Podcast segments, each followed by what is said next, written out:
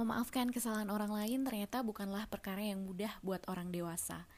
Selain itu, terkadang kita juga masih sulit sekali mengerti caranya berempati. Orang dewasa juga sering bingung untuk mengenali emosi yang datang dan pergi, lalu gagal melabelinya dan memilih mengabaikannya. Tapi sebenarnya itu semua nggak benar-benar hilang. Rasa kecewa, marah, sedih yang selalu dipendam dan tidak diutarakan bahkan sejak kita kecil ternyata bisa mengganggu kualitas hidup kita di masa depan termasuk hubungan kita dengan orang lain masalah-masalah orang dewasa yang kaitannya dengan emosi inilah yang coba diangkat dalam sebuah film biografi berjudul A Beautiful Day in the Neighborhood It's a beautiful day in this neighborhood, a beautiful day for a neighbor. Would you be mine? Could you be mine? It's a neighborly day in this beauty wood, a neighborly day for a beauty. Would you be mine? Could you be mine? I have always wanted to have a neighbor just like you. I've always wanted to live in a neighborhood with you. So let's make the most of this beautiful day. Since we're together, we might as well say, Would you be mine? Could you be mine? Won't you be my neighbor?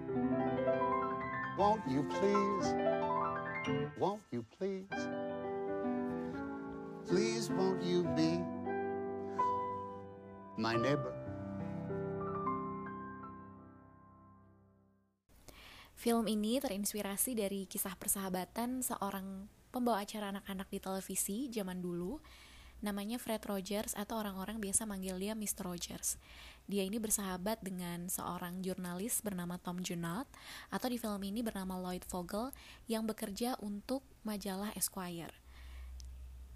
Peran Mr. Rogers di sini dimainkan baik sekali oleh Tom Hanks yang di ajang Academy Awards 2020 kemarin juga berhasil masuk nominasi Actor in Sporting Role walaupun Piala Oscar akhirnya jatuh ke tangan Brad Pitt untuk perannya di Once Upon Time in Hollywood. Sesuai judulnya, film ini indah sekali teman-teman.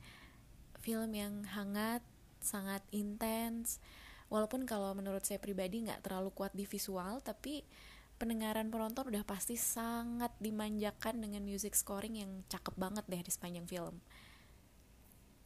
Film ini membahas sesuatu yang di kehidupan sehari-hari mungkin nggak terlalu nyaman untuk dibicarakan. Tapi uniknya semuanya itu malah dibahas secara musical di acara anak-anak. Awalnya mungkin susah ya ngebayangin kok ada acara anak-anak yang ngomongin tentang hal-hal serius gitu.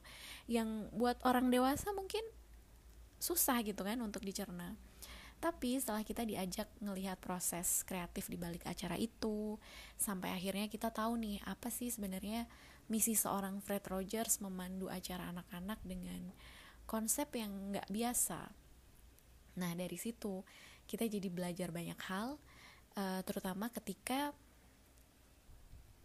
sesi wawancara dia dengan Lloyd Vogel.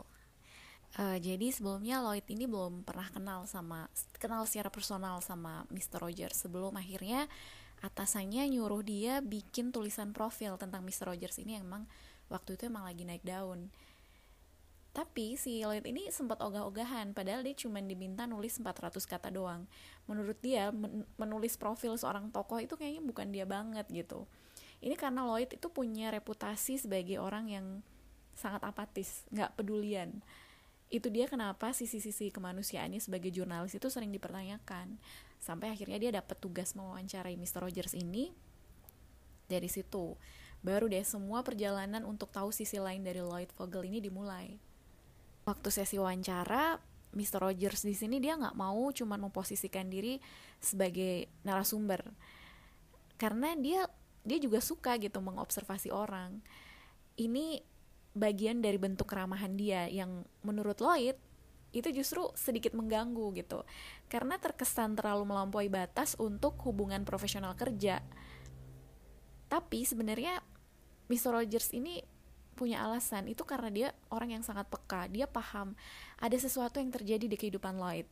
Apalagi waktu ketemu pertama kali waktu mereka janjian mau wawancara Lloyd itu datang dalam keadaan wajah yang babak belur ini tuh semakin membuat Mr. Rogers pengen tahu sebenarnya apa sih yang sedang disembunyikan? Apa sih yang bisa dia bantu untuk orang ini? Pelan-pelan Lloyd jadi terbuka akhirnya. Meskipun secara nggak langsung ya dia sedikit demi sedikit mulai bicara soal emosi-emosi negatif yang selama ini ternyata cuma dia simpen sendiri gitu bertahun-tahun.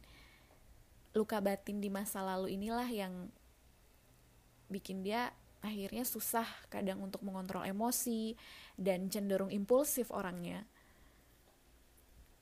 Kalau dipikir-pikir apa yang dialami Lloyd itu seperti representasi dari masalah kebanyakan orang dewasa yang sering kali kita tuh nggak bisa menghadapi emosi sendiri gitu kan. Jadi kita sering bingung nih memilih reaksi yang tepat karena emang kemampuan seperti itu emang nggak pernah dilatih. Barulah dari si Mr. Rogers ini dan acaranya Lloyd itu banyak belajar soal bagaimana seharusnya kita memperlakukan luka batin itu layaknya luka fisik yang juga harus diobatin. Karena pada akhirnya ya time heals nothing. Waktu itu tidak akan menyembuhkan apa pun. Dari film ini akhirnya kita sadar bahwa menyembuhkan luka batin itu bukan proses yang pasif, tapi pekerjaan yang aktif jadi emang harus ada komitmen untuk sembuh dari luka psikologis yang barangkali udah lama ditumpuk entah sejak kapan. Teman-teman yang saat ini mungkin sedang dalam keadaan tidak baik-baik saja atau sedang merasakan ketidaknyamanan dari bentuk emosi yang sekarang sedang dihadapi, film ini mungkin bisa menjadi penawar yang ya saya bilang bisa menghibur lah ya dan dijamin bikin happy. Buat teman-teman yang tertarik nonton, filmnya bisa disaksikan di Netflix.